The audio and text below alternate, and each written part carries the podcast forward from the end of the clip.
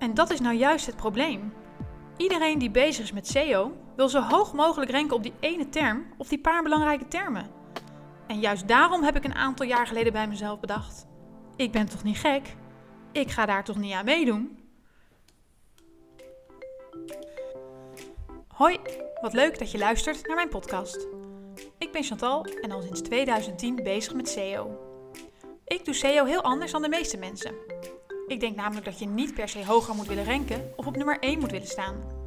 Tijden zijn veranderd en dus is het tijd voor een ander geluid. In mijn podcast vertel ik hier meer over.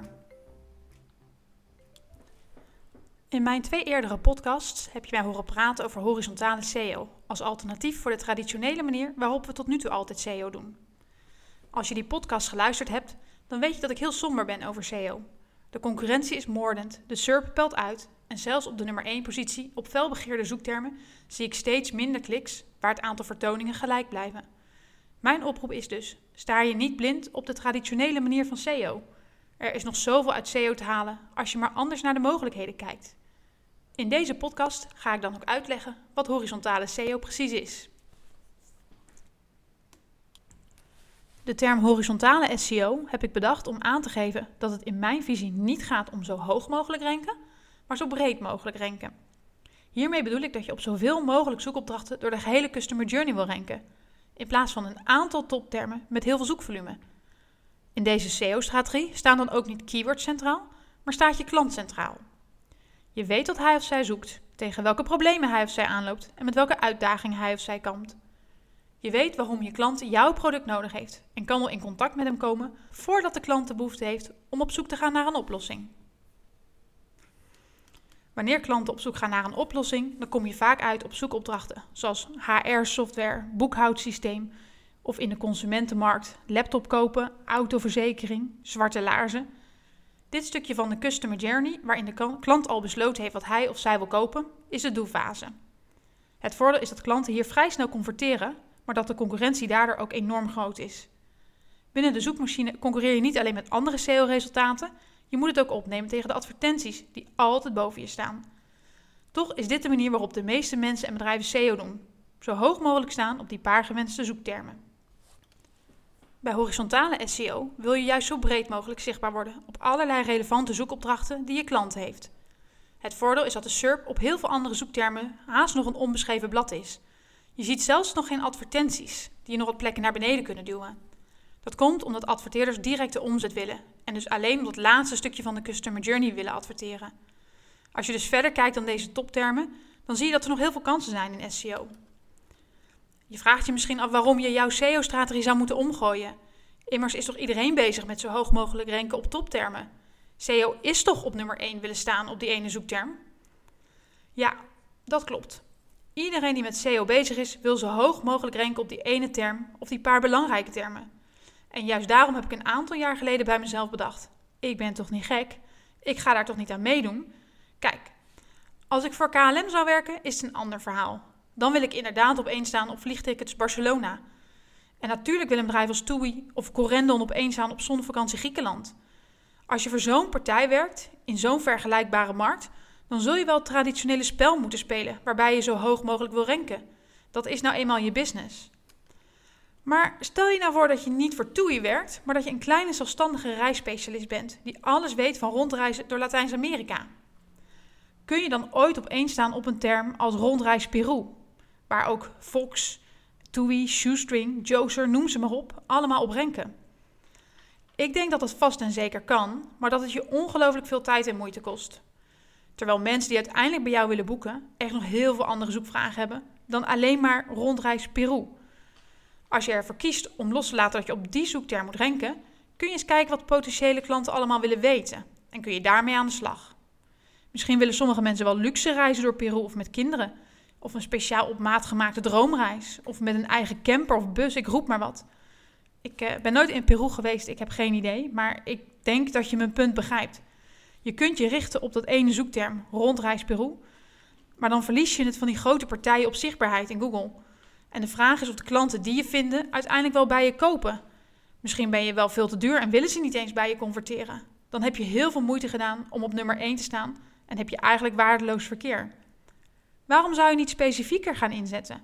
Waarom zou je niet vindbaar willen zijn op specifieke zoekopdrachten van jouw potentiële klanten? Ja, je hebt mogelijk minder verkeer dan wanneer je op één op rondreis Peru. Maar het verkeer dat je binnenhaalt is mogelijk veel interessanter. En ik kan je vertellen dat het veel simpeler is om op die andere zoektermen gevonden te worden. Het nadeel is dat deze strategie voor de meeste partijen best complex is. In de elf jaar dat ik rondloop bij grote bedrijven heb ik er maar weinig gezien die hun klant echt goed kennen. Die weten wat hun klant bezighoudt en waar hun klant van droomt of juist bang voor is. Ik heb er nog minder gezien die deze kennis kunnen omzetten naar sterke punten in hun marketingstrategie. De mensen die de inhoudelijke kennis hebben om de vragen van de klant goed te kunnen beantwoorden, hebben vaak geen tijd om content te maken. Die hebben vaak niet eens tijd voor interviews of om antwoord te geven op welke alle vragen die er spelen. Of de juridische afdeling vindt het te tricky wat we nu zeggen en durft het allemaal niet aan. Of er is niemand in huis die het technische verhaal kan omzetten naar marketinguitingen en hoofd- en bijzaken van elkaar kan scheiden. Daarom ligt dit deel van de markt zo goed als open.